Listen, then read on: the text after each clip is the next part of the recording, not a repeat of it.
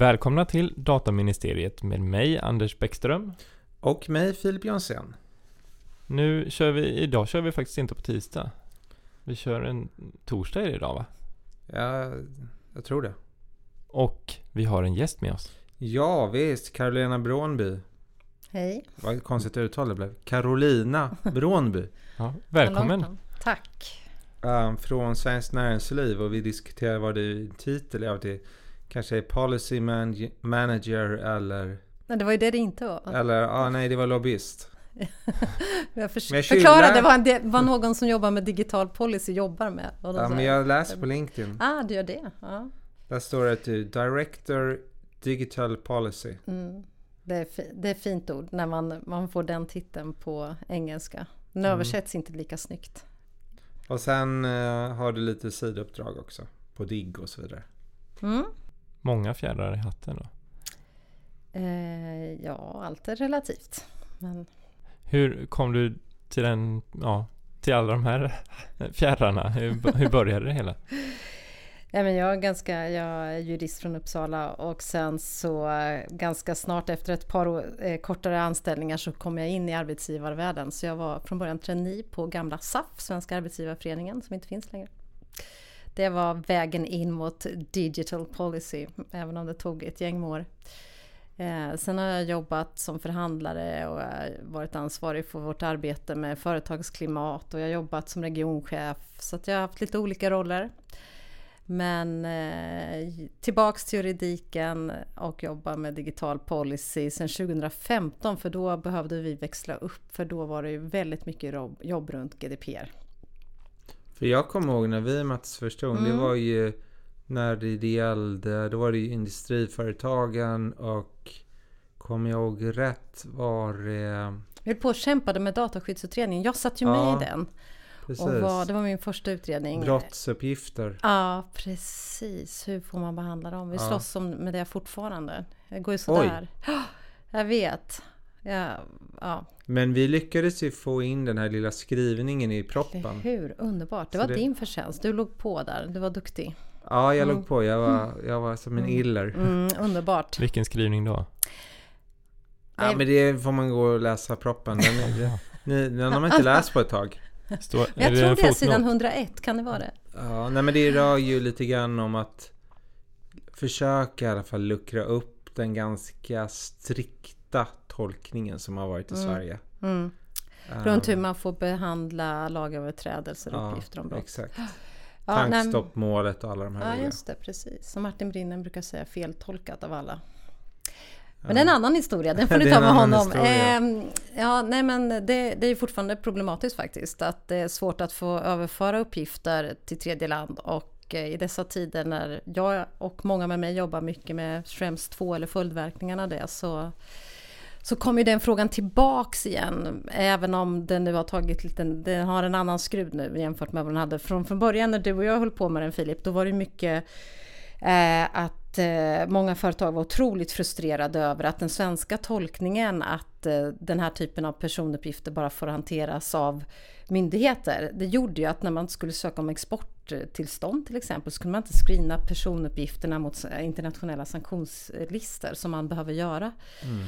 Eh, och sen CSR-arbete, visselblåsarsystem. Det var mycket som gjorde att det blev konst, kon, eller det är konstigt. Vi har ju fortfarande ingen föreskrift ens om det.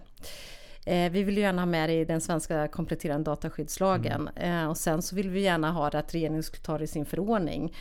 Och trea bäst skulle ju vara att Datainspektionen kom med en föreskrift. Men det har de inte gjort. Men de har i alla fall givit ett eh, tillstånd till 400 företag som är medlemmar i SOF.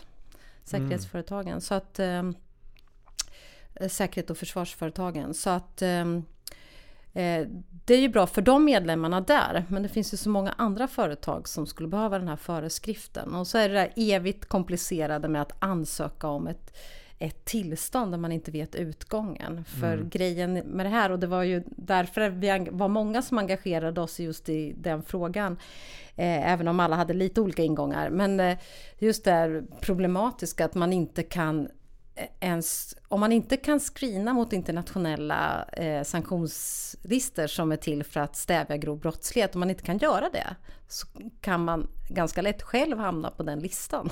Mm. Så att, Framförallt i USA. Det blir så här, ja, precis, det gäller ju USA. Ja, men det, det som ja. var då var ju att om man gör affärer i USA mm. och även etablerat i Sverige eller EU så godkänner inte de att man typ låtsas att man inte hänger ihop. Så då blir man ju, om man inte följde, typ, ja men ta OFAC till exempel, mm. om man inte mm, screenade mm, mot de listorna där, där det liksom är eh, 99,9% terrorister. Typ. Mm, mm. Det, någon är säkert felaktigt uppförd. Men de flesta är, alltså nu hittar jag bara på lite grann, men jag tror att de flesta är nog lite halvskyldiga som är där. Så kunde man ju bli liksom, ah men då kan ni göra affärer någon annanstans. Mm. Mm. Mm. Varsågod och lämna USA. Mm. Så det, det var ju lite, det är hårda boliner. Mm. Precis. Så att, eh, men det var ju många som Bankföreningen hade ju sitt undantag mm. också för sina medlemmar. Sen finns det ju en rad enskilda som också har mm. begärt undantag och har det nu, alltså, eller tillstånd att behandla för just screening mot sanktionslistor för olika ändamål. Så det är ändå lite, det men det är fortfarande lite... väldigt trögt och jag hör ju ändå från ganska många av medlemmarna i Svenskt Näringsliv. Det är 60 000 medlemmar så jag kan inte säga att jag har koll på alla. Men, eh, men från de aktiva bolagsjuristerna så, så är ju det här vi hade möte om det precis innan coronan slog till i februari. Hade vi möte med eh, Datainspektionen och då var man då sa man att nu ska vi göra föreskrifter. Ah. Men sen har ju det här arbetet lite Nej, men det som var olyckligt och det gäller, tycker jag, jag tror jag har varit inne på det förut när det är lagstiftning, att ha en lagstiftning som ingen följer. För så var det ju faktiskt ja. på den tiden att är vi på pultid nu? Är vi ja, pul, men, eller är vi ja på, precis. Ja. Att, att alla var tvungna att göra de här äh, sanktionslistsskrivningarna. Alla gjorde det. Ja. Och jag hänger inte ut något företag för precis alla gjorde det. Är klart alla gjorde det. Olagligt. Och då är det så här, mm. vad är det för mening en lagstiftning mm. som ingen tycker är rätt? Nej. Nej. Nej, och det, det är komplicerat. Alltså antingen så ska man inte göra... Eh, eller så här, jag backar. Det är ganska galet om man tänker på att Sverige är ett litet exportberoende land. Vi pratar, våra regeringar oavsett eh, kulör eller kulörer pratar om att det är otroligt viktigt med internationell handel och det är ju det är bara att konstatera att det är det som bygger eh, vårt välfärdssystem, hur vi finansierar. Det är ju mycket för att vi har, får in mycket inkomster tack vare vår export såklart. Eh, Eh, samtidigt så gör man det så komplicerat att delta på schyssta villkor dessutom. Alltså regeringen, tidigare regeringar har ju anslutit sig till de regler som FN har satt upp, satt upp till exempel för visselblåsare och för framförallt CSR-regler. Men men sen så haltar det, sen tappar vi liksom tråden när vi själva ska komma till vår svenska lagstiftning. Då tappar vi vad man politiskt har sagt, för det borde ju vara så att det är politiken som styr, trillar ner i lag så småningom. Eh, sen vill vi givetvis inte att, eh, att allt ska styras av politiken, för då blir det ju rättsosäkert av den anledningen. Men, eh, men just i det här fallet när man ser när vi inte pratar om eller tänkte jag säga, när vi inte pratar om grundläggande rättigheter. Det är ju lite det som har blivit hela problemet på tal om Schrems 2-domen. Att vi börjar sitta i bedömningar som är liksom omöjliga att rucka på när en domstol går och säger att ja, det här är grundläggande rättigheter, det är enligt mm. EU-stadgan. Så att, Men på tal om export så ja, då kommer man ju ofrånkomligt in på Schrems 2 ändå. Mm. Hur mycket man än försöker undvika. Och du nämnde att... Du, du gillar inte Schrems? Eller jo, det, det är jag... det du gör, du gillar Max Schrems och det är därför den här domen... Nej men äh, jag vet inte. Jag, Nej. jag är du, det pratade vi om förut en gång, jag är väldigt kluven. Mm. Mm. Inför både äh, hur han agerar. Mm. Och, men jag har full förståelse och respekterar det verkligen. Mm. Men jag brukar ju fråga den här frågan. Har hans agerande att ogiltigt, satt domstolen ogiltigförklara Private Shield och gjort det mycket mer komplicerat för standardavtalsklausulerna gjort dataskyddet bättre mm. eller sämre för mm. individer? Mm. Och då hävdar jag ju just nu mm. har han gjort det sämre. Mm. Men däremot kanske på sikt blir det bättre. Men just nu så är dataskyddet försämrat. Berätta för mig, hur tänker du? Ja men för att förut fanns det en mekanism som skapade ett visst skydd. Mm. Det, den mekanismen som skapade det, vissa skyddet, lite skydd, eller väldigt bra skydd, den finns ju inte längre. Så inne- om någon fortfarande fortsätter att föra uppgifter eller behandla på samma sätt, Mm. då får den inte ens det skyddet. Nej. Nej. Och det är därför jag kan... Jag säger inte att jag har inte tänkt igenom det här så här supernoga, men jag tycker att man, man måste reflektera över om, om målet är att skydda individen och dess personuppgifter. Mm. Hur gör man det på bäst sätt utan att samtidigt göra det sämre på vägen? Mm. Ja, någonstans så kan jag tycka att eh, just det här med adekvansbeslut, kommissionen gör det upplägget, tar, det, tar de besluten. Och i det här fallet då när det fanns ett både från amerikanska sidan och från EU, EUs håll. Då, då vet man ju att lagstiftningen är eh, checkad och genomgången och man har diskuterat det på hög politisk nivå och hög juridisk nivå med för den delen. Och då kan, kan jag tycka att det vi hamnade i nu är ju så mycket sämre, apropå din analys.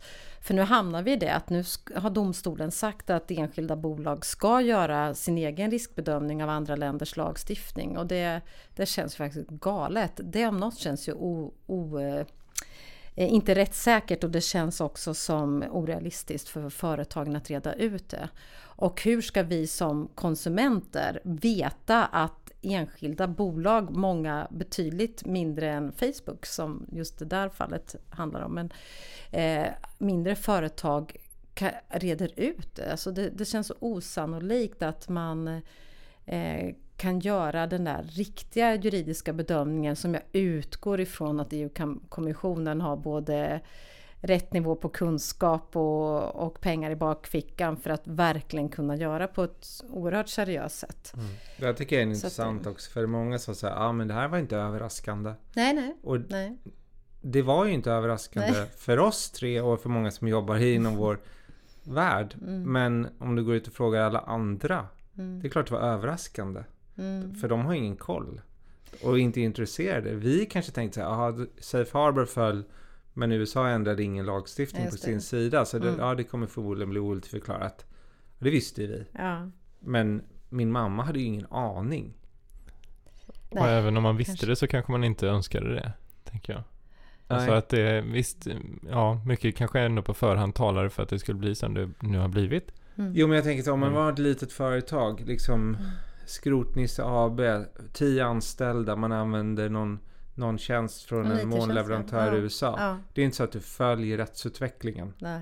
Och så säger bara, haha, du borde ha vetat att det där skulle bli förklarat. Mm. Så att varför, varften gick du in i den där tjänsten Tjänsten, överhuvudtaget? precis. Alltså de hade ingen aning. Mm, mm.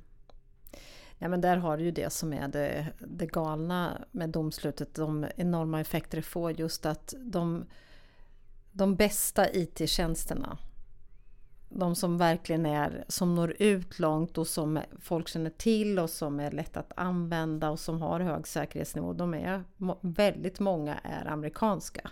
Mm. Eh, och vi använder dem alla, både som privatpersoner i våra olika arbeten, företagen, offentliga myndigheter, EU-kommissionen själv. Vi hade ju här i, i 2 juli så kom ju European Data Protection Supervisor som gjorde den här initiativrapporten om hur kommissionen själv skulle kunna använda Microsofts tjänster. Mm, jag kommer intressant. Alltså alla använder ju de här Mm. IT-tjänsterna. Så det berör ju alla sektorer och alla, alla, alla.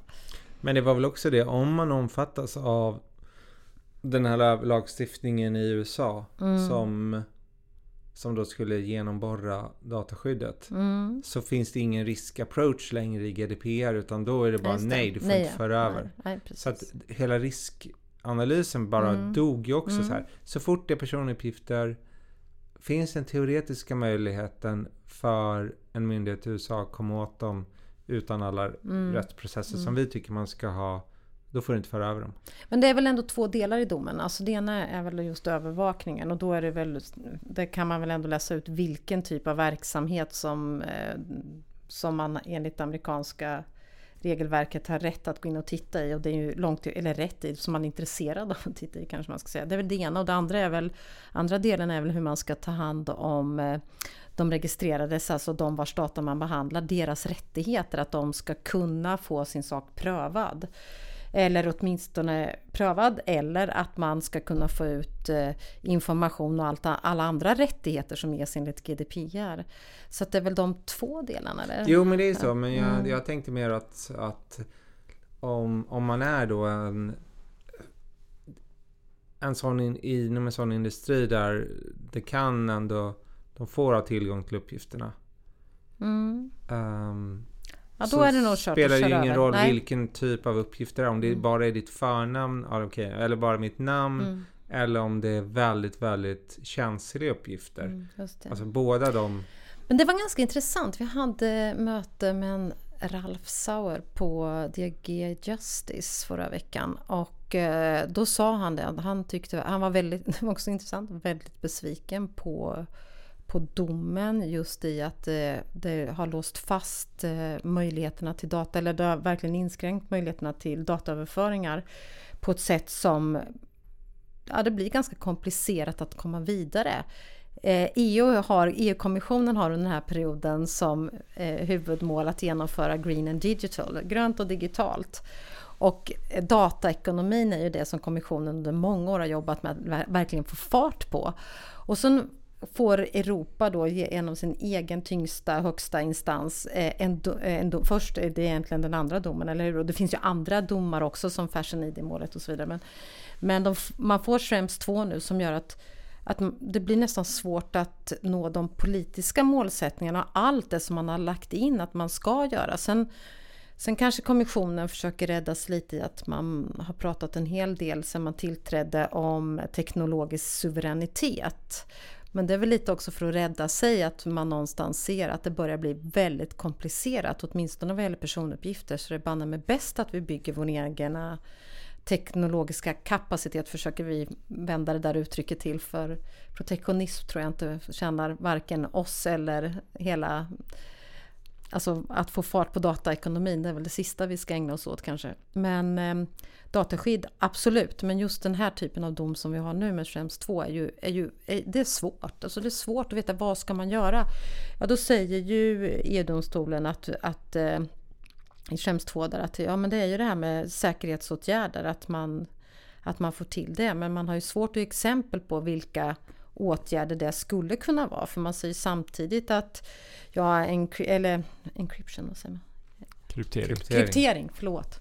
Kryptering, eh, det är ju inte hållbart egentligen för det går ju att låsa upp när det väl har landat i USA. Så att, eh, och det lär väl inte vara jättesvårt att kanske knäcka då om man tänker på att en väldigt stark stat vad gäller övervakning. Eh, och det andra skulle vara lokalisering som man ofta pratar om men, men alla vi som reser lite grann och har en mobil eller en dator med oss och kopplar upp oss mot till exempel någon social media vet ju att vi tar ju med oss datan, den flyttas ju med oss vart vi än vart vi än reser. Så att det blir ju liksom en chimär det där att man kan ha datalokalisering.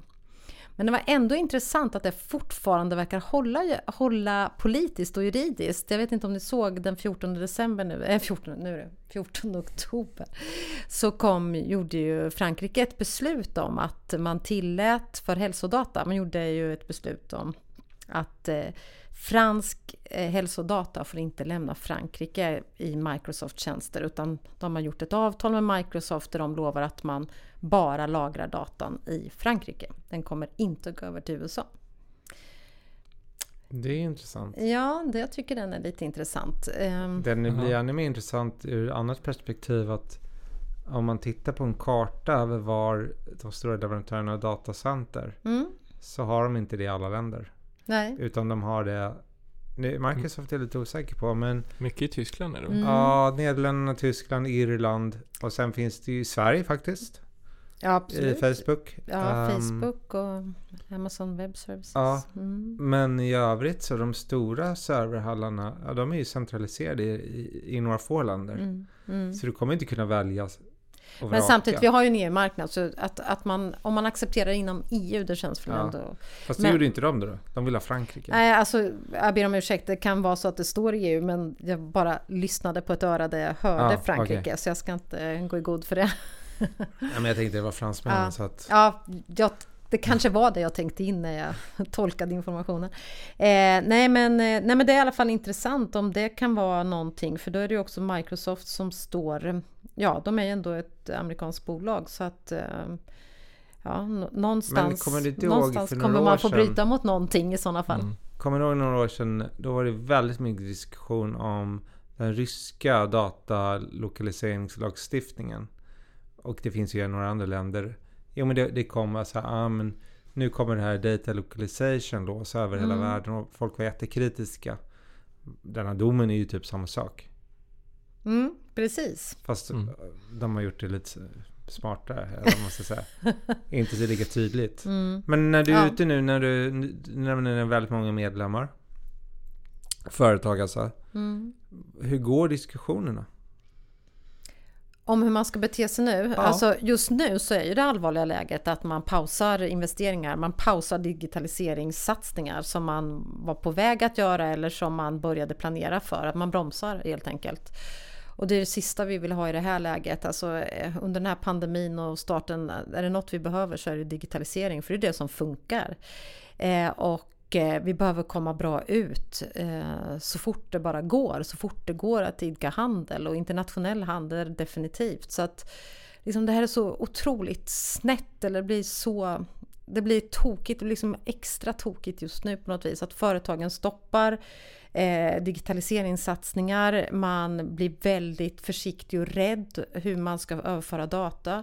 Sen har vi en helt, förutom pandemin, så är vi också förutom massa saker som händer runt digitalisering så är ju både Sverige och hela Europa otroligt på att AIfiera så mycket som möjligt. Verkligen få snurr på effektivisering och få upp den europeiska konkurrenskraften vad gäller AI-användning och AI-lösningar. Så att Ehm, det rimmar ju också väldigt dåligt med hela den fas vi är inne i nu. Eller så är det bara sunt. Ja, det är klart man måste också försöka vara självkritisk tänkte jag säga. Men eh, vad, vad kan det leda till för gott? Men jag kan bara säga att rent ekonomiskt och i både världssituationen med pandemin och också i den här enorma digitaliseringsaccelerationen som vi är mitt uppe i så blir det väldigt konstigt med att vi inte att vi nu ska vara så rädda för att Eh, skicka data och utföra, nej men, eh, använda IT-tjänster men också eh, förbättra oss och satsa på avancerad digital teknik. För det är ju bara ett faktum att du frågade, Filip, du frågade vad företagen gör nu.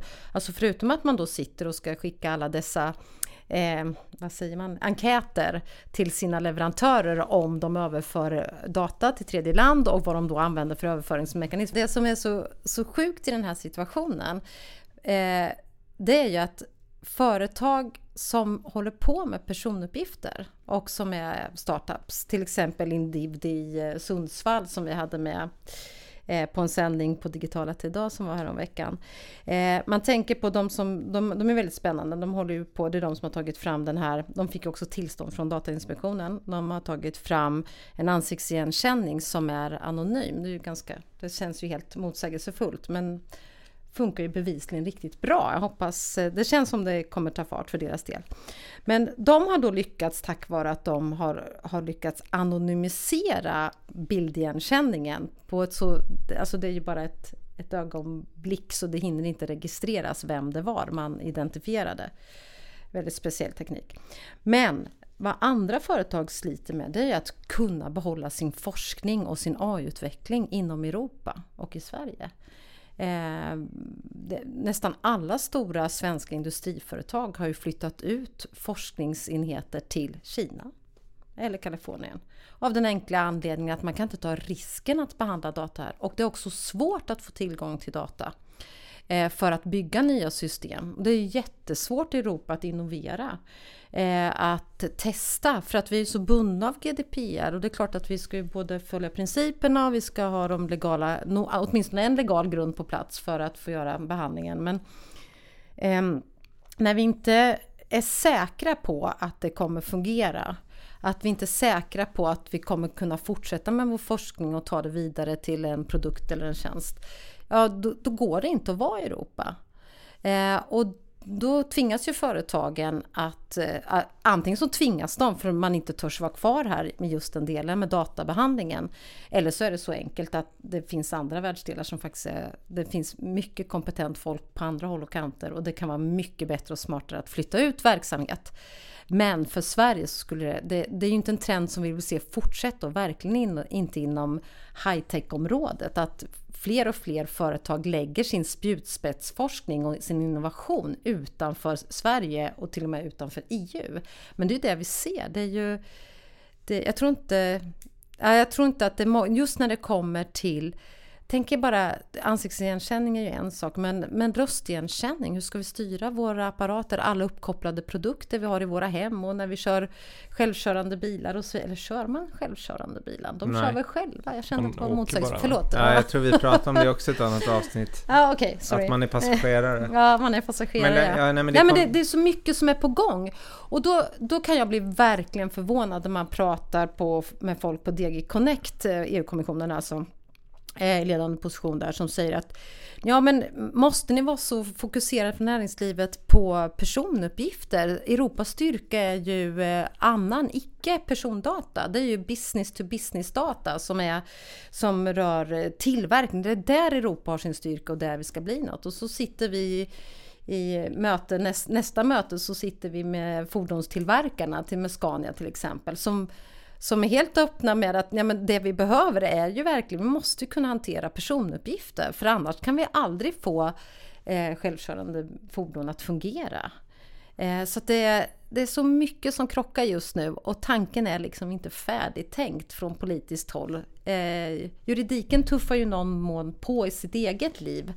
Men eh, ja, vi kan väl säga att vi har en utmaning. Vad tror du kommer hända då? Vad, vad liksom, ja men på nu kommer vi förmodligen få några riktlinjer. Ja, just um, det. Förhoppningsvis mm. in, ja, inom en månad eller mm. några veckor. Mm. I alla fall i november hoppas vi. Ja. Mm. Och... Eh, Från eh, EDPB tänker du då? Exakt. Ja. Och då är det som alla är nyfikna på var ju det du nämnde förut. Vad är de här ytterligare skyddsåtgärder ja. eller additional safeguards ja, på engelska? Vad är det för något? Är det kryptering? Är det, vad kan det vara? Man mm. har, det enda jag har hört är ju i princip kryptering. Att mm. det skulle kunna vara. Mm. Ingen annan har lyckats komma på något Nej. smart. Nej. Jag tror jag har hört någon ytterligare som jag inte kommer på just nu. Men... Ja.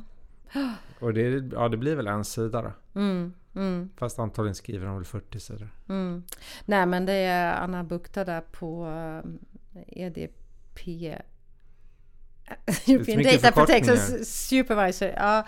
Nej men eh, jag lyssnade, jag lyssnade på henne ett par omgångar nu och kollegor till henne och de, de pratar ju mycket om liksom att det är privacy by design och det är IT-struktur eh, och eh, ja men jag tror de famlar själva för att de vet inte men de pratar inte direkt om kryptering utan det är väl snarare så om man pratar om, om, om eh, pseudonymisering är det samma sak? Kryptering och pseudonymisering känns inte samma sak det är alls. Det är halvt till anonymisering. eller hur? Mm. Man har en nyckel, men nyckeln till ja. exempel lämnar inte... Men det är fortfarande personuppgifter. Nej, men precis. Och det... Och det är ju möjligt att eh, pseudonymisering kan ju vara en bra åtgärd. Om det är till exempel att du ska AI-träna data i Kalifornien och sen ta hem den igen. Och du behöver inte låsa upp den förrän datan landar till exempel på Karolinska mm. sjukhuset igen. Eh, för att du behöver bara träna en algoritm eller eh, en AI-lösning. Det kan ju funka, men jag menar det finns ju så otroligt många olika typer av eh, dataöverföringar vi gör. Ja, hur skulle det funka till exempel om du behövde eh, back-office, alltså du behövde någon hjälp med av någon systemkunnig person som ja. sitter utanför EU. Ja. Då får inte de, om de går in i systemet och remote Ja, jag fattar, alltså jag ja, tar över ja, då har de ju redan mm. gjort en Ja, då får de inte se en enda personuppgift. Nej, just det, den, den blir ju svårt. Den blir jättesvår. Mm, mm. Ja, om de inte gör det från typ Nya Zeeland eller något annat godkänt mm. land. Ja, något. Nej, men precis. Argentina. Men hur ser det ut? Är det liksom någon aktör inom Europa som du har hört talas om som faktiskt ser det här som en möjlighet att ja, men nu kan vi plötsligt konkurrera med Google och Microsoft? om liksom att skapa sådana här Office-paket. Ja. Fast med europeisk bas. Jag kan inte... Jag, jag, hör ju att, att det finns de som verkligen hoppas och gnuggar händerna men eh, jag hör inget här hemifrån Sverige. Har ni gjort det? Nej, jo, jag tror jag... Lagring i alla fall. Mm, lagring. Ja. Mm. Men lagring mm. möjligen. Men jag, jag skulle ju tänka sådär om, om jag hade lite mer resurser så, och plötsligt mm. få liksom en chans att alltså konkurrera med dem och egentligen få den gratis. För mm. det, det, är ju extremt Få den här marknaden gratis? Ja men precis, ja. att man får liksom en helt europeisk marknad mm. nästintill gratis. Mm. Att man, ja men nu, vi blir alternativet som är okej okay jämfört mm. med de här jättarna. Mm. Det går ju att implementera mycket, typ Office 365 tror jag man kan implementera lokalt också. Mm. Um, så den skulle ju gå att ha en, en molntjänst innanför EU ja. helt. Ja. Men, och det går ju till viss del. Så problemet är med hela de globala kedjorna, värdekedjan, det är att vi reser, vi rör oss, data flödar. Ja. Det är ju inte, just det här med lokalisering är ju det är ju en möjlighet men eh, det kan ju knappast vara lösning för allt. Eh, åtminstone inte om vi ska idka någon typ av handel eller om vi ska fortsätta att resa när vi väl kan det igen och sådär. Så att det, ja, men det, är, det är mycket som är man famlar. Man, man, ja. Mm. ja, men jag har ju vänt mig emot, ofta så kallar man det att här, date is a new oil, den ja, nya oljan. Men jag bara, nej men personuppgifter är inte olja, det är mer som vatten. Det kommer i massa olika former. Ja. Det kan vara fryst och då är det väldigt stabilt att hantera. Det kan vara vatten, mm. alltså flytande form och då är det så här hyfsat lätt men det kan man kan skvulpa över. Eller så kan det vara ånga, ånga och det tar sig in, in överallt. Ja. Det är liksom, det är personuppgifter som vatten. Det mm. kan komma i många skepnader, det kan förflytta sig på olika mm. sätt. Ibland går det att hålla det jättehårt som is. Det är jättelätt att hålla kontroll på en isbit. Mm. Men ånga, det är ju jättesvårt. Mm. Och blir trycket för stort, då bara exploderar det. Ja, det blir inte bra. Eh, nej, men jag tänkte mer på det här med vad man kan tänka sig, vad som kommer komma i, eh, i de här riktlinjerna som för övrigt tydligen Sverige har eh, det är väl de som är ledande myndighet i att, att få till de här eh, riktlinjerna för tredjelandsöverföringar, hörde jag av Elisabeth Gilderyd då, på Datainspektionen. Eh, men, eh, men fråg, frågan är om man kan förvänta sig att man sätter ner lite olika typer av dataöverföringar. Alltså vad har vi för data som inte skulle behöva några speciella säkerhetsåtgärder? För att Ofta är det så för företagen att det är ganska bra att få reda på vad man inte måste lägga ner massa extraarbete på. Och då skulle man kunna tänka sig kontaktuppgifter för vanlig handel för att kunna kontakta återförsäljare eller kunder och så vidare. Eh, alltså det är ju, det är ju ingen högriskdata det kan man inte tänka, tycka. Och sen så har vi liksom nästa nivå som skulle kunna vara det som väldigt många av våra koncernbolag och internationella bolag eh, behöver kunna överföra och det är ju de anställdas uppgifter. Eh, human resources data så att säga. Och det skulle väl vara lite kanske mitt emellan men det är inte högrisk. Men högrisk kommer vi på så fort det är kommunikation och det är väl också det hela den här domen eh, handlar om. Alltså det är ju kommunikation av eh, kommunikation av personuppgifter på alla möjliga sorters uppgifter och eh, väldigt eh, kan vara väldigt integritetskränkande om det kommer i fel händer. Så att där vill vi verkligen inte att någon ska kunna komma åt datan som inte är behörig såklart. Så att, eh, men det tror jag, det skulle i alla fall vara ett steg som skulle kunna underlätta för väldigt många företag som inte är en social plattform till exempel. Men skulle det underlätta för moln utanför EU där du faktiskt lägger själva datat? Nej. Mm. Nu försökte jag bara tänka på vilken sorts av data. Sen molnproblematiken, då har vi Cloud Act också. Så det är, ja, den gamla Och så debatten. har vi det här svenska med röjande. Och så. Ja, men den orkar vi inte ens öppna. Nej, det är lilla. så många saker att diskutera där. Men, men om du kan avgränsa det Filip, vad tänkte du? Nej, bara att um, kontaktuppgifter uh, mm. på är en sak, men om själva varan är behandling av personuppgifter mm. en tjänst mm. helt enkelt. Mm. Och du har inte, du, någon, någon plattform har du byggt din tjänst på. Um, ofta en molntjänst. Mm. Och då är det ju inte bara kontaktuppgifter utan det är ju någon, något mer. Mm. Det kan ju vara HR-uppgifter såklart också men Fördelen med HR-uppgifter tänker jag, internationella bolag, då har man ju fortfarande binding corporate rules som man kan ha. mm, Eh, och där sa ju faktiskt EU-kommissionen eh, när man presenterade översynen av GDPR, eller ja, då sa man ju att man skulle, att man skulle göra den, alltså an, hela den processen att få godkända binding corporate rules, så att den skulle bli, alltså den skulle underlättas, den skulle göras smidigare och snabbare och så. Eh, men det verkar vara helt lagt åt sidan efter Schrems-domen. Eh, jag försökte fråga om det men det verkar inte vara något pågående arbete. Eh, och sen så, nej men det vi har att hoppas på också det är väl att först får vi guidelines i november.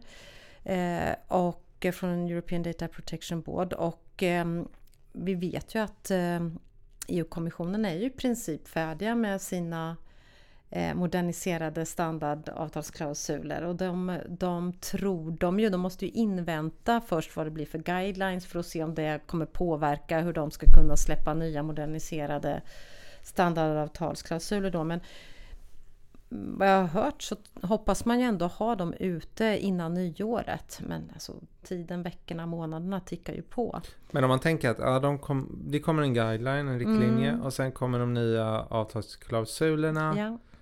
Och, eh, och sen så har du ditt sånt här formulär där man frågar om din leverantör är föremål för det är väl det som Max organisation har tagit fram, de Mm, frågorna i princip. Det. Så skickar du med dem du, och, de bara ja, vi kan ingå de här nya avtalsklausul, standardavtalsklausulerna.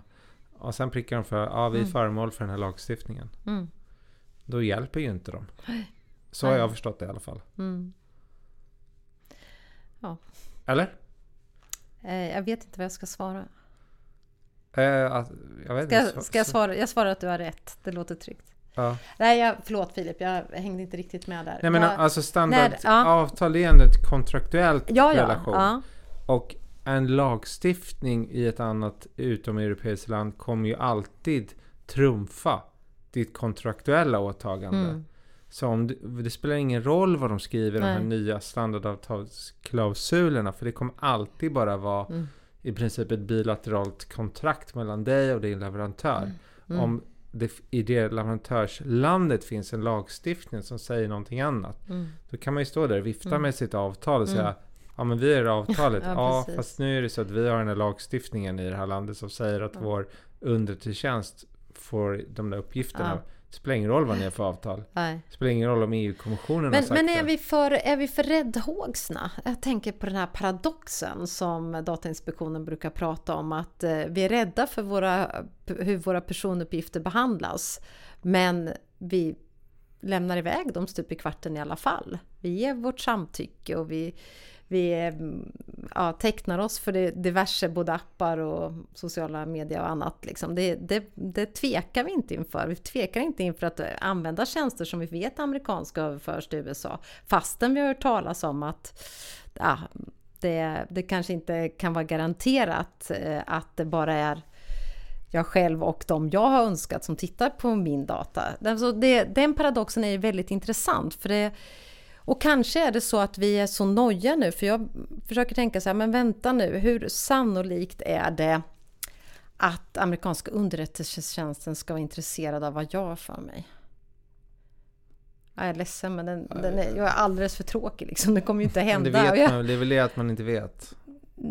hur då sen är menar du det- att man, det är en Nej, osäkerhet att någon skulle kunna titta? Eller? Jag vet inte, men jag tänker att du kan ju vara bekant med någon som är föremål och då dras du Mm. med i det. Mm, det kan bli otäckt. Um, och, och så vidare.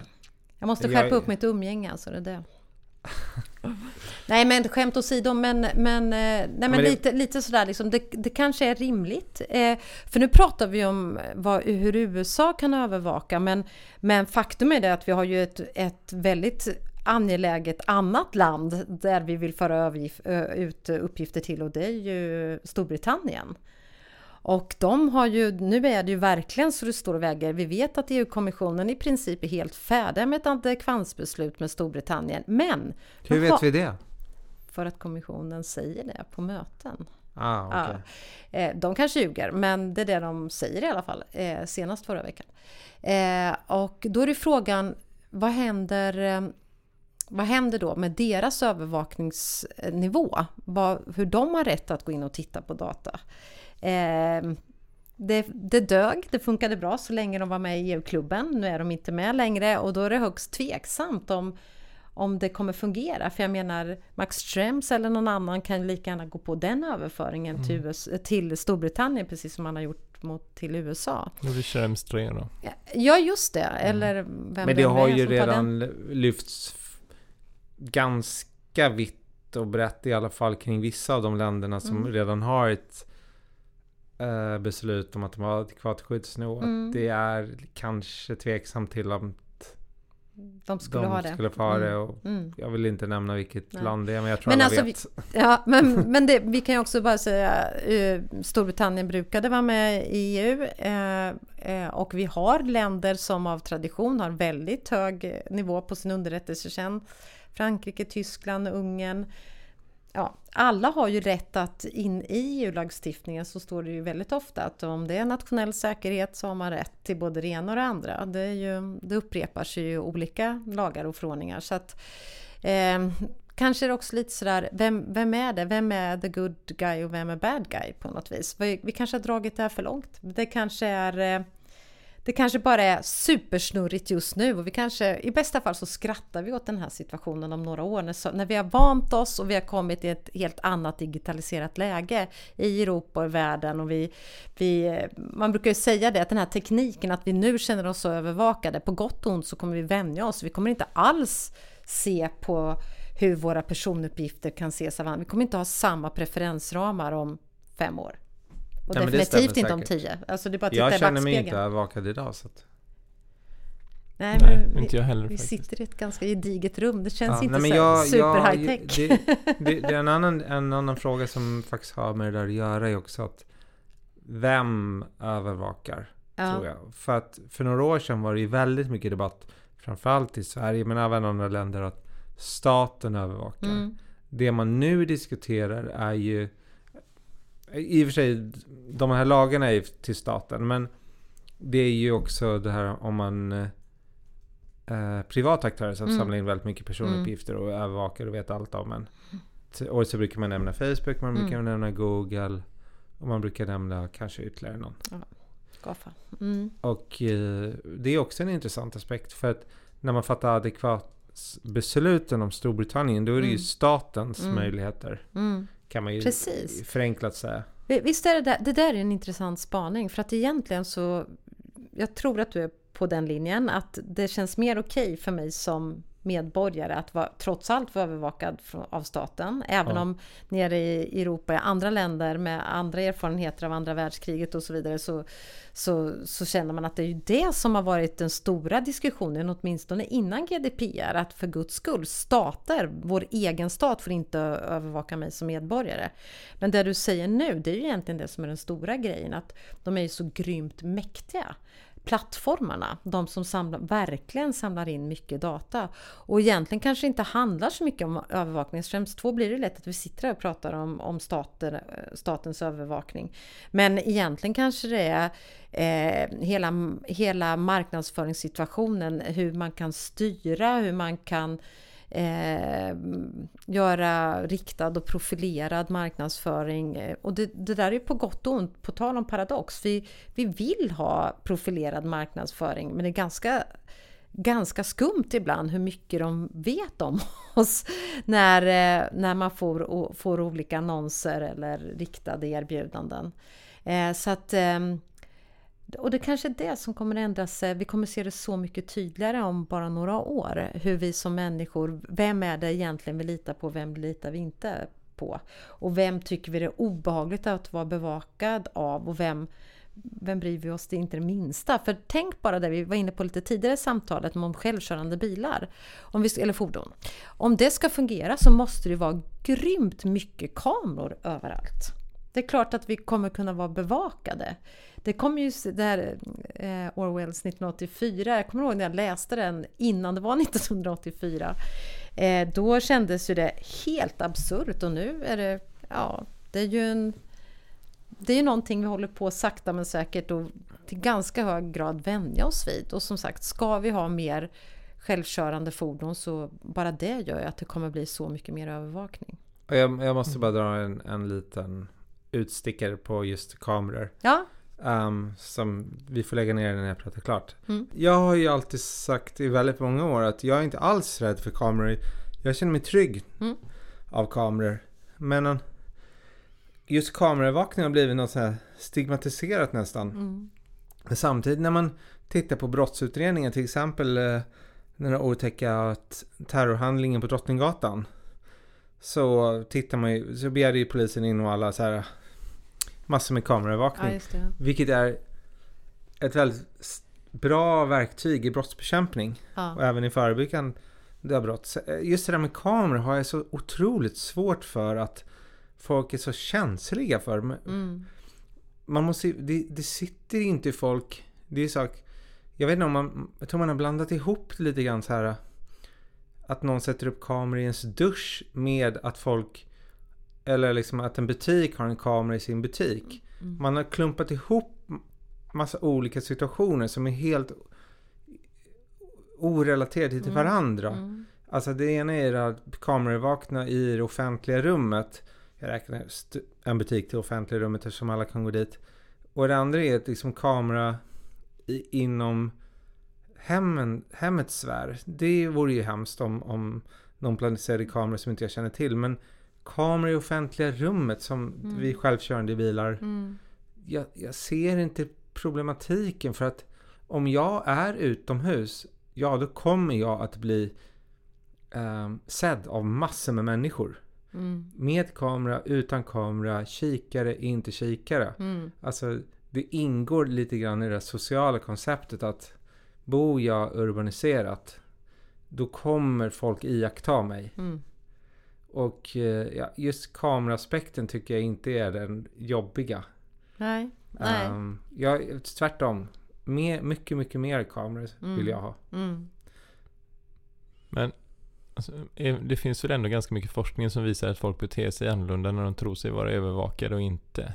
Alltså jo, att man kan styra också... folk, både kanske till gott och, men kanske också till att folk faktiskt tappar lite av sin ja, jo, autonomi men, på något sätt. Ja, nu kommer jag liksom från brottsbekämpande bakgrund tidigare och det är samma precis som du säger att ja, man har lyckats få bort brottslighet genom att sätta upp kameror.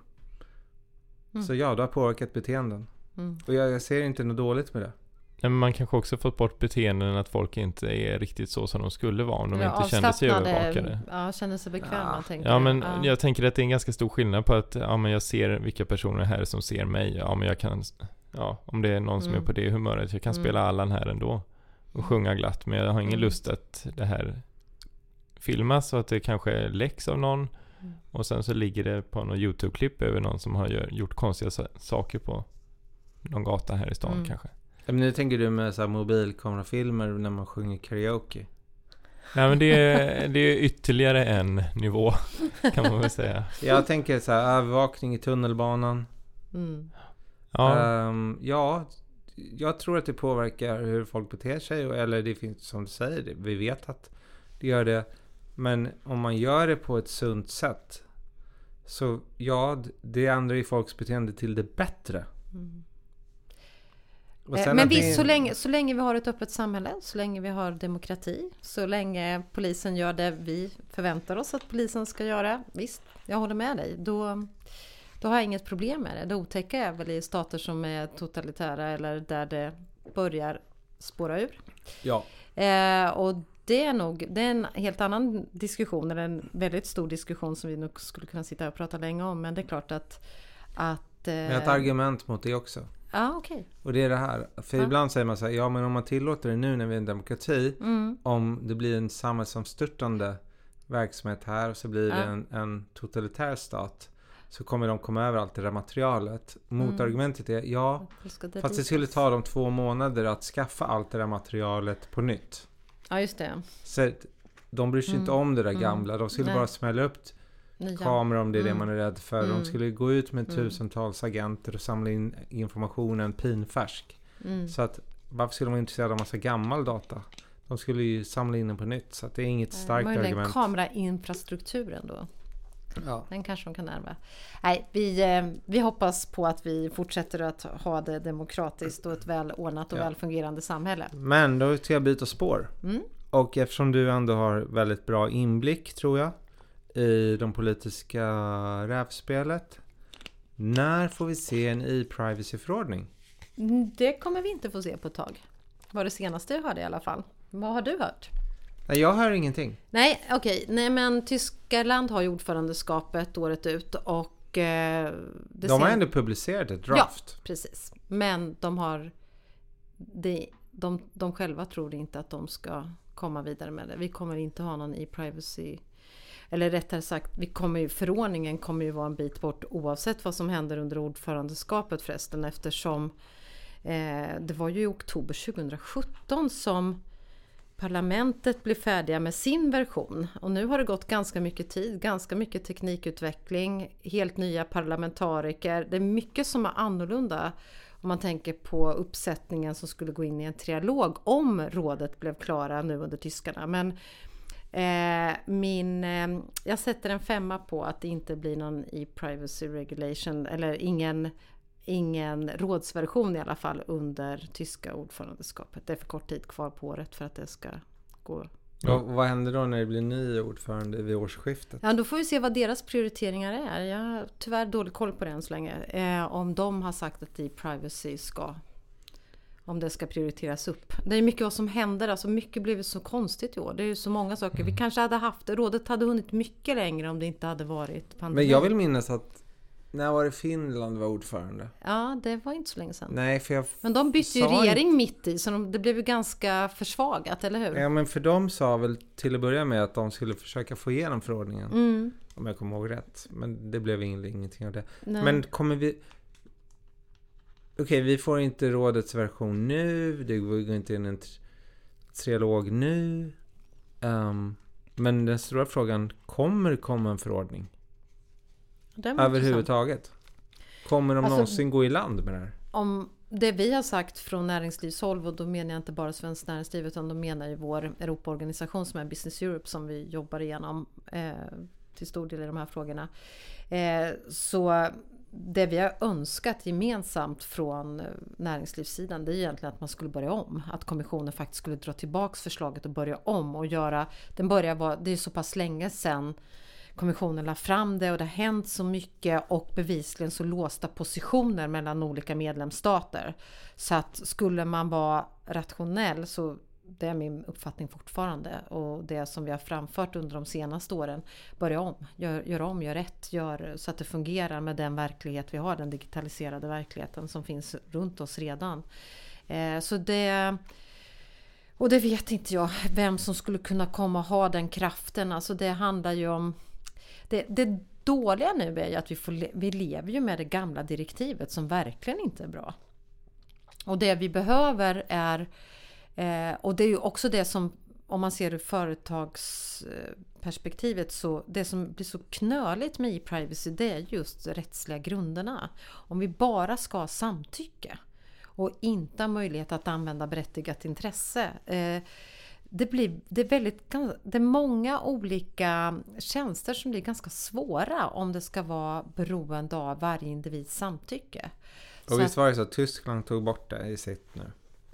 Ja men precis. Intresse. Ja men precis. Det var, det var tillbaks ett tag och så åkte det ur. Alltså det har gått lite fram och tillbaka ja. så. Eh, och det var liksom hela tanken med när kommissionen la fram i Privacy Regulation att det, den skulle ju läggas fram efter att GDPR var antagen så man visste vad man skulle bygga på. Men så blev det ändå inte så. Så kom man med ett förslag som inte byggde på GDPR utan som byggde på det gamla direktivet.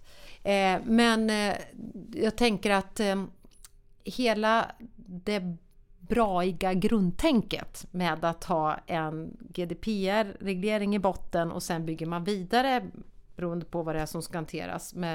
Men att man alltid utgår från GDPR. När man nu har tappat bort det så är ju det, då har vi liksom missat en, ett, ett stort värde med att vänta på GDPR och också hela möjligheten att få reglerna att vara förståeliga. För det vi ofta glömmer bort tycker jag i det här regelarbetet Eh, och det, det kvittar om vi pratar nationell lagstiftning eller det räcker med att titta här hemma i Sverige. Tittar vi på EU-nivå Eh, så, så är det att olika regelverk måste ju lira med varandra. Om man tänker på entreprenören eller startupsbolaget som ska reda ut vad de har att förhålla sig till. Så måste vi ha någon typ av stringens, man måste förstå logiken och då är det ännu viktigare att man bygger klossarna i rätt ordning så att det blir stabilt. Så det, och det här rör ju hela det digitala området, det rör säkert andra områden också, men det pysslar ju inte jag med till vardags. Men eh, inte minst när det kommer till AI-lösningar nu. Eh, om man ska börja bygga särreglering för det, nu hoppas jag verkligen att det inte blir så, utan vi börjar väl se att skopet för ny reglering på AI-fronten är ändå att definiera högrisk och göra något speciellt runt det. Men inte desto mindre, även om man liksom smalnar av skopet till det så är det fortfarande så att det blir väldigt rörigt om man inte använder all den lagstiftning som redan finns och bygger vidare från den. Utan om man gör en främmande fågel och kastar in så, så blir det rörigt. Eh, det är problematiken runt AI-reglering som kan komma. Eh, Medan e-privacy är just det att man bygger på något som är ålderdomligt eller något som inte riktigt fungerar i praktiken. Vi, har, vi är ganska samtyckeströtta. Eh, och att då bygga ny reglering som verkligen ska fungera i samhället och vara till gang för alla. Att då bygga på samtycke, för mig känns det lite tokigt i det här läget som vi är nu. Eh, jag, jag är av den det är säkert många och inte minst ni kanske också vill säga emot men jag, jag, jag känner ändå mer och mer som så att samtycke är bland det sämsta för mig, för min för min rättssäkerhet. För jag vill att det företag som jag, vars tjänster jag använder, jag vill banne mig att de har koll på vad de gör och att de, att de gör det lagligt och korrekt. När jag själv är, är privatperson och sitter lite, så lite snabbt och, och eh, ger mitt samtycke till någonting och inte har läst alla, alla de där villkoren som följer med. Alltså den situationen är ju galen, att företag egentligen som hittar på en tjänst men ändå kan eh, egentligen slipper de ju stor del av sitt ansvar för integritetsskyddet när jag lämnat mitt samtycke. För då behöver inte de motivera och alltid vara, vara redo att visa hur de har resonerat och vilka åtgärder de har vidtagit för att verkligen leva upp till kraven enligt GDPR. För att säga, ja men vi har ditt samtycke. Nu, nu förenklar det här väldigt mycket. Men... Eh, Nej, men jag kan hålla med om, jag tycker inte heller att samtycke är det bästa. Och jag grundar också på att de flesta förstår inte vad man... Alltså inte ens vad man läste. Dels så Nej. orkar man ju inte läsa, inte jag heller. Jag bara klickar. Och jag brukar säga det så här, ja men om jag går in på en sajt. En, eh, vad det nu kan heta, en internetsida. Mm. Um, så vill jag ju komma åt innehållet där. Ja. Och min, mitt typ spann av koncentration för den sidan det är väl mellan 10 och 20 sekunder. Mm. De 10-20 sekunderna just nu, de går åt till att klicka på massa grejer på en cookie banner. Mm, precis. Då är jag redan ointresserad ja. av det där innehållet. Ja. Och jag håller med om att samtycke är, det är inte, vi kommer aldrig kunna bygga in så mycket olika grejer så att det kommer bli bra. Mm. Um, och att alla förstår. Det, det kommer nästan bli omöjligt. Jag, jag förutser ju att vi kommer gå bort helt från det och inte helt. Vissa saker är enkelt med samtycke. Men det kommer bli mer som Sverige tänkte förr i tiden med så missbruk. Det är det som är det viktiga. Precis som du säger mm. att jag ville veta att mina personuppgifter, om de nu är mina, i alla fall rör mig, tas om hand på ett tryggt och bra sätt. Jag kan jag förstår vad som händer med dem och de kommer inte missbrukas. Mm. Det räcker för mig. Ja. Ofta. Sen kan det finnas specialgrejer där, där självklart samtycke är bäst. Mm. Eller någon annan rättslig grund. Men det. i det stora hela jag menar jag vet inte hur många samtycken man ger varje dag. Just nu. Säkert mellan 10 och 20 stycken. Mm. Och jag tror att Edward Rustaran var också inne på det här att det är fel väg att gå. Mm. Att ha, mm. öka samtyckena. Mm. Jo, men han pratar ju ganska mycket om verkligheten. Alltså att man måste se hur verkligheten ser ut. Och hur verkligheten är och liksom ja, men, om man nu ska tänka på vad lagstiftning är till så för att ja, men till viss del så kan det vara att man vill styra folk till vissa saker. Eh, förändra beteenden, apropå mm. det. Men på något sätt så kan jag i alla fall tycka, och jag, uppfattar Eduardo som det också, som att ja, men, lagstiftningen måste ju också utgå ifrån verkligheten, vad som, mm. vad, hur, det, ja, men hur omvärlden är just nu och liknande. Um, det lät ju ganska pragmatiskt liksom just i överföringar och sånt där när man tittar på det. Att man, ja, jo, nu den här domen den innebär ju, om man, om man bara läser den bokstavstolkning av den så innebär det en massa av svårigheter. Men verkligheten ser inte ut så. Nej. Nej. Eh, och det, ja. Men innebar inte det också, bara, om vi avslutar domen också, att det var ju inte bara det här som domstolen sa, de sa ju andra intressanta saker. Till exempel skyldigheten för Dataskyddsmyndigheter att ingripa. Mm. Um, vilket Datainspektionen tycker jag på ett ganska sunt sätt, det är min högst privata åsikt, på ett sunt sätt har valt att agera på klagomål och annat som, som de bedömer är hög risk eller mest intressant. Vilket jag tycker mm. är helt rätt att göra. Mm. Mm. Medan mm. domstolen sa ju, det, det, finns ju olika tolkningar av oss jurister, men vissa har ju tolkat som att nej, så får inte en dataskyddsmyndighet göra. De måste ta upp klagomålen liksom, att utreda dem. Och eh, det blir också intressant för att vad betyder det när det gäller budget? För att i alla fall i Sverige får man ju har ju inte Datainspektionen obegränsade resurser utan det är ju faktiskt så att... Men de är i samma storlek i paritet med jämförbara länder i, i Europa nu. Det har jag i alla fall hört Lena Schelin eller Jo men jag menar om, de, de, om de helt plötsligt måste myndighet. utreda vartenda klagomål. Nej nej nej men det skulle aldrig gå.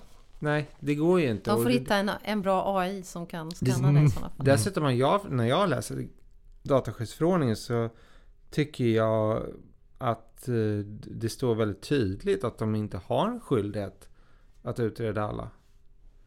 Men det är domstolen, nu kanske inte jag lusläst den delen av Schrems 2 men jag har i alla fall förstått att många anser att nej men när det gäller i alla fall vissa typer av, av klagomål eller saker som de upptäcker, då har de skyldighet.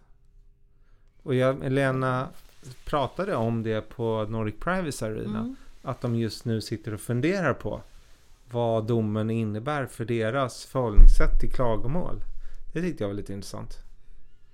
Ja, mm. ja de har ju många, det är ju jag var i samma möte som Elisabeth Gilderyd här precis innan jag kom hit till er och det de här, hur många klagomål är det de har per år? 3000? Ja, någon, nu kom de ju ut precis med den där uh, mm. rapporten om det. Ja. ja, nej men det är klart att det är till viss del ogörligt och det är klart man kan klaga på mycket. Det, min spaning som, den, min o, när jag är så här, är verkligen så negativ och tänker på att fasken, det här blev inte bra.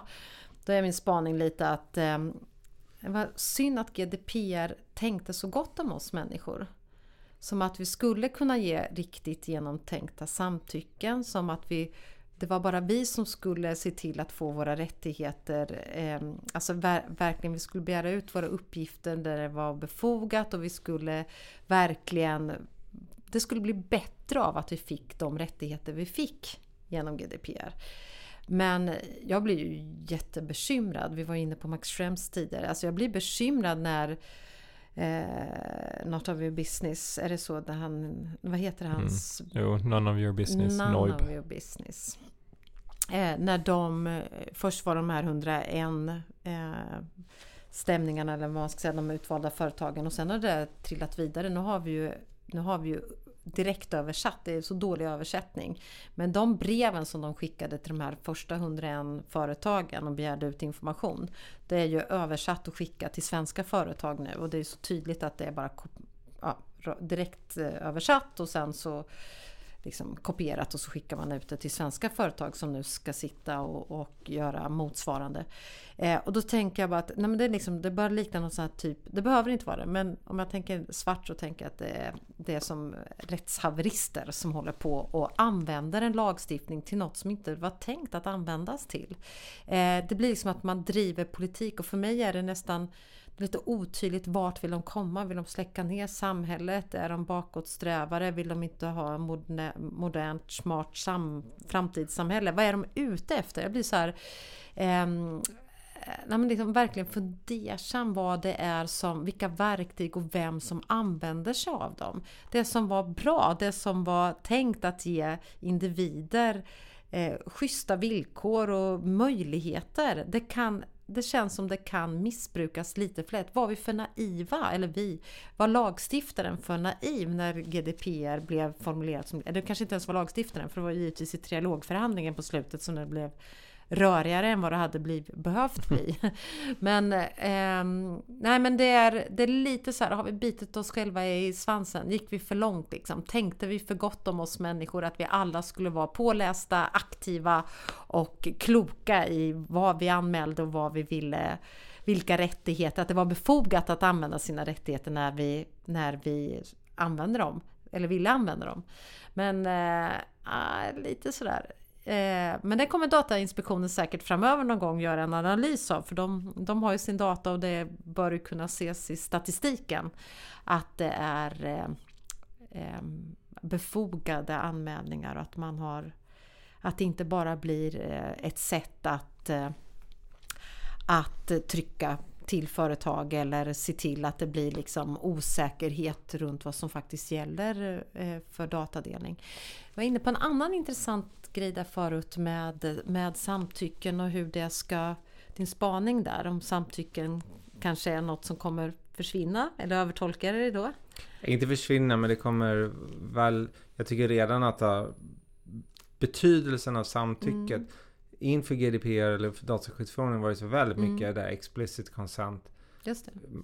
Prat, prat, prat mm. var hur man skulle inhämta det, hur det skulle gå till. Mm. Idag har jag inga sådana diskussioner. Men de här olika rörelserna, jag tänker eh, My Data Movement mm. och mm. mans, det som Finland, Estland och Finland gjorde runt X-Road och nu den nya eh, statliga utredningen om hur man ska kunna eh, ja, hur man ska kunna få bättre kontroll över sina personuppgifter.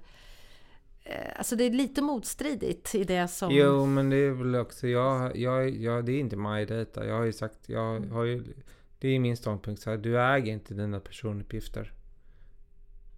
Alltså det är my data. Varför, varför då? Det är inte dina då. Mm. Det är inte dina personuppgifter.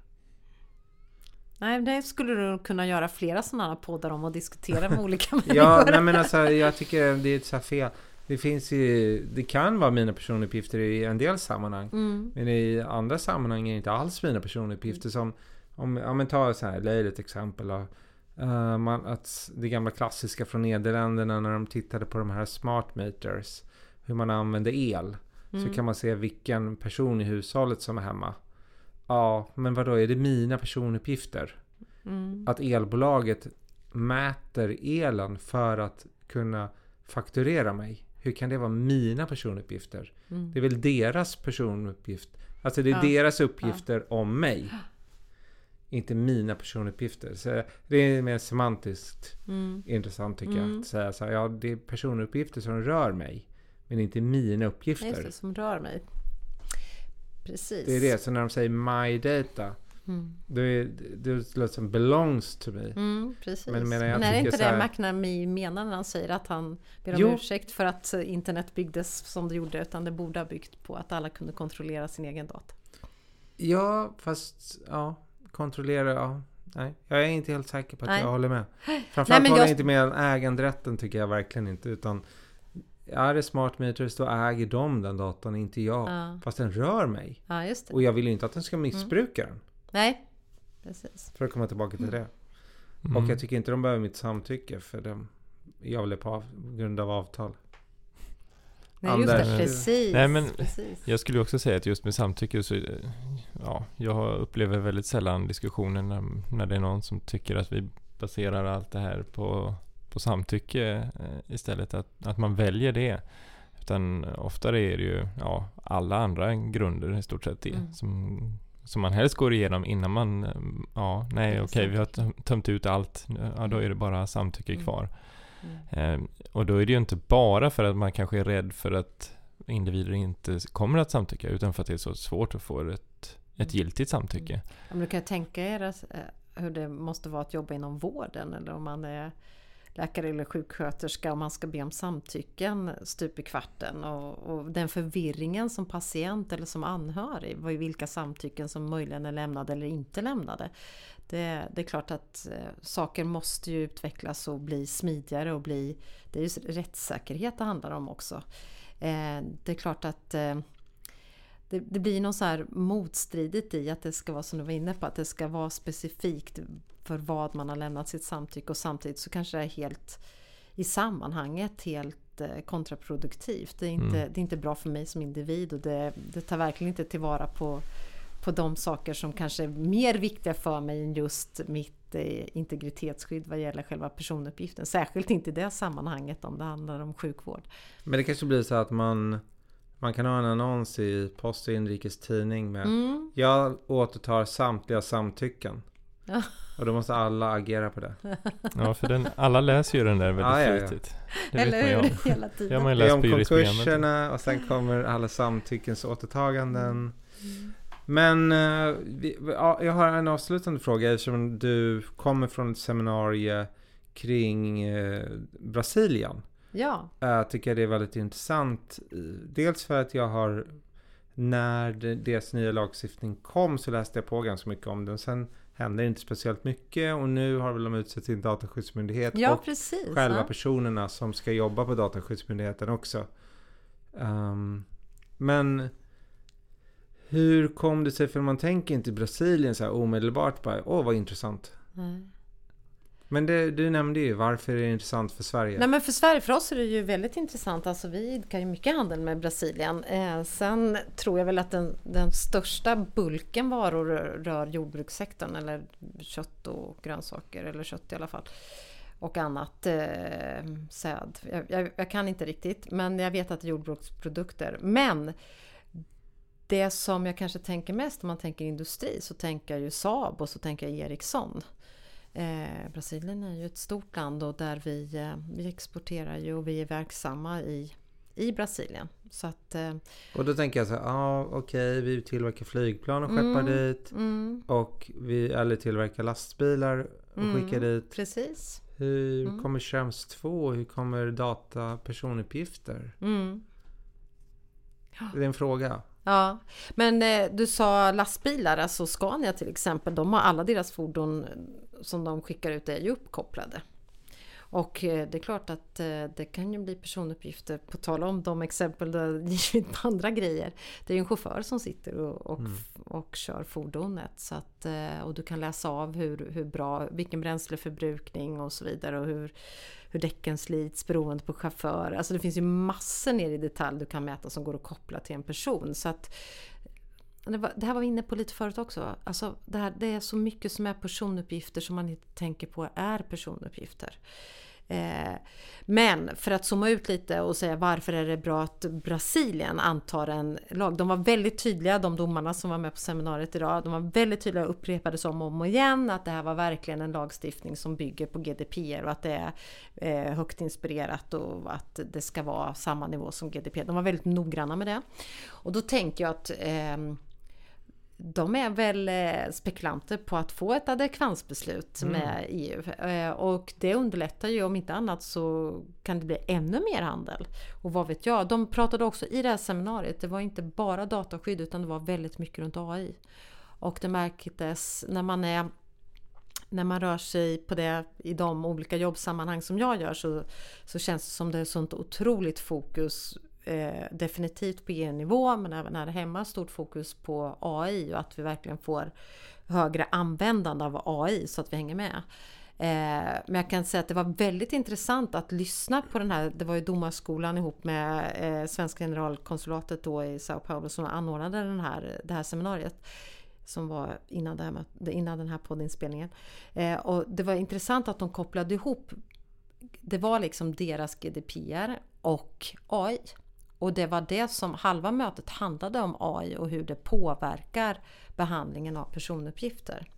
Så de gick igenom mycket teknik och det var inte bara AI-teknik utan ny eh, emerging technologies överhuvudtaget som de tog direkt. Alltså de är ju precis i, de, de, det är ju deras första dataskyddsmyndighet någonsin som de eh, ska öppna upp nu i Brasilien. Så de, de bygger allt från början runt integritetsskyddet och eh, tillsynsmyndigheten och det är direkt in i ny teknologi. De har ingen ryggsäck, de har ingen historia utan jag tror att eh, det kan bli väldigt intressant att se Brasilien och en mängd med andra länder runt om i världen där vi kommer byta så... Vi skulle kunna, vi får se nu vad som händer då med lagstiftning och annat, men vi skulle kunna byta så mycket mer information, så mycket mer data eh, med mängder av länder. Ehm, Även om vi pratar om att industriföretag nu, framförallt kanske då som eh, det kanske inte delas mängder med persondata, men en eh,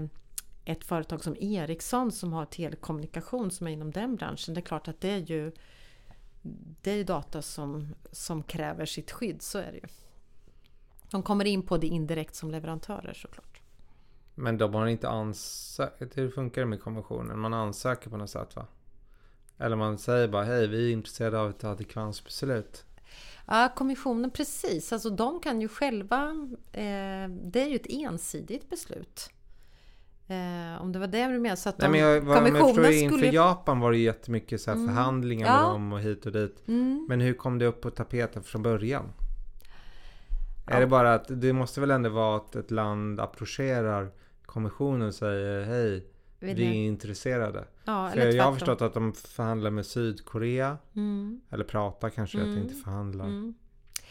Nej men adekvansbeslutet är det, till skillnad mot ett handelsavtal så är det som är då krävs det ju mer än en part. Men, men adekvansbeslut är ju ensidigt. Alltså, det är ju, men, men grejen är väl den när ett adekvansbeslut blir riktigt starkt så är det väl som med Japan eller med, som det var tidigare då när det fungerade med USA. Att det landet också har tagit ett motsvarande beslut. Eh, för då blir det ju så mycket smidigare och så mycket säkert och förutsägbart för de som vill överföra data. Eh, men eh, i praktiken så tror jag att det eh, är helt ensidigt och egentligen, jag vet inte ens om man ska använda ordet förhandling. Det, Nej, man har överläggningar, ja, man har diskussioner. Ja.